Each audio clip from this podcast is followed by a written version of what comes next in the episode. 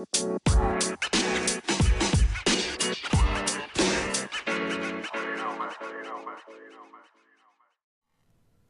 assalamualaikum sob. Apa kabar semuanya? Eh, gue mau mencoba membuat podcast podcast pendek pod- yang isinya adalah jawaban dari pertanyaan-pertanyaan teman-teman yang masuk ke DM Instagram. Yang gue pikir bisa dijawab dengan eh, podcast yang ukurannya pendek. Kalau bisa 5-10 menit aja deh. Udah kejawab segitu selesai itu post podcastnya. Mudah-mudahan dengan itu gue bisa membuat banyak podcast dengan menjawab lebih banyak pertanyaan dari teman-teman. Oke, kita mulai yang pertama sesudah ini. Oke, untuk podcast pendek pertama, pertanyaannya datang dari Gema dari Universitas Pendidikan Indonesia. Here goes, izin bertanya Om, jika produk kita gagal, ki- tapi kita punya idealisme tinggi terhadap produk tersebut, apa solusi terbaiknya Om? Nggak usah izin bertanya, silahkan tanya aja bro, bebas. Eh, intinya produk kamu gagal, kamu bilang, tapi idealisme terhadap produk tersebut kamu tinggi. Terus mau terusin apa jangan gitu ya, kurang lebih gitu ya. Jadi gini bro, kalau dari apa yang gue percayai atau apa yang gue jalankan metode The Lean Startup ada dua hipotesis yang mesti kita buktikan kalau kita mau menjalankan sebuah startup. Satu adalah hipotesis nilai, satu lagi adalah hipotesis pertumbuhan. Hypothesis of value and hypothesis of growth gitu ya. Eh, hipotesis nilai itu adalah eh, hipotesis yang eh, perlu kita buktikan apakah produk ini memiliki value, memiliki nilai bagi konsumen-konsumen awalnya. Siapa konsumen-konsumen awalnya? Biasanya the early adopters gitu. Orang-orang yang biasanya suka mencoba produk-produk baru. Oke.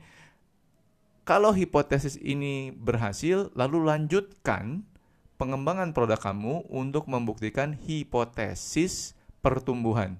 Apa itu hipotesis pertumbuhan?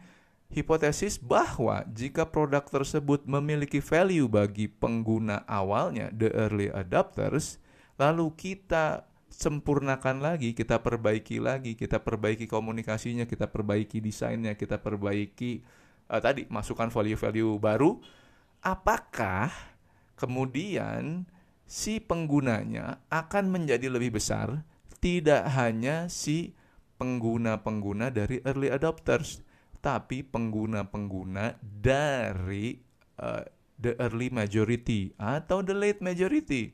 Oke.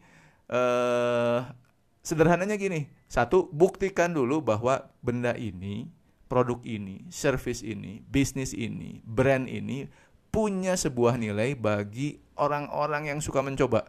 Lalu kemudian buktikan sesudah itu bahwa sesudah orang-orang yang suka mencoba, orang-orang umum pun akan bisa menyukai produk ini. Itu dua hipotesis yang kamu harus buktikan.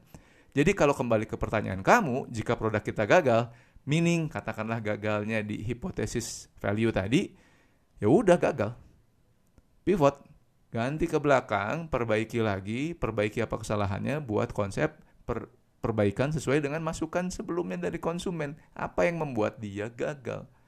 Kalau ini gagalnya di depan, jangan badar untuk kemudian mencoba membuktikan hipotesis pertumbuhannya. Kalau value-nya aja nggak ada bagi early adopternya, udah hampir pasti nggak akan ada eh, sebuah eh, value untuk orang-orang yang lebih umum. Karena orang-orang lebih umum itu cenderung resistant of change, mereka nggak mau berubah. Jadi kalau orang yang mudah berubah aja nggak mau, apalagi orang yang susah berubah. Gitu Gema, terima kasih banyak. Mudah-mudahan menjawab pertanyaannya. Mudah-mudahan eh clear untuk Gema apa solusi terbaiknya. Mangga, terima kasih. Assalamualaikum warahmatullahi wabarakatuh.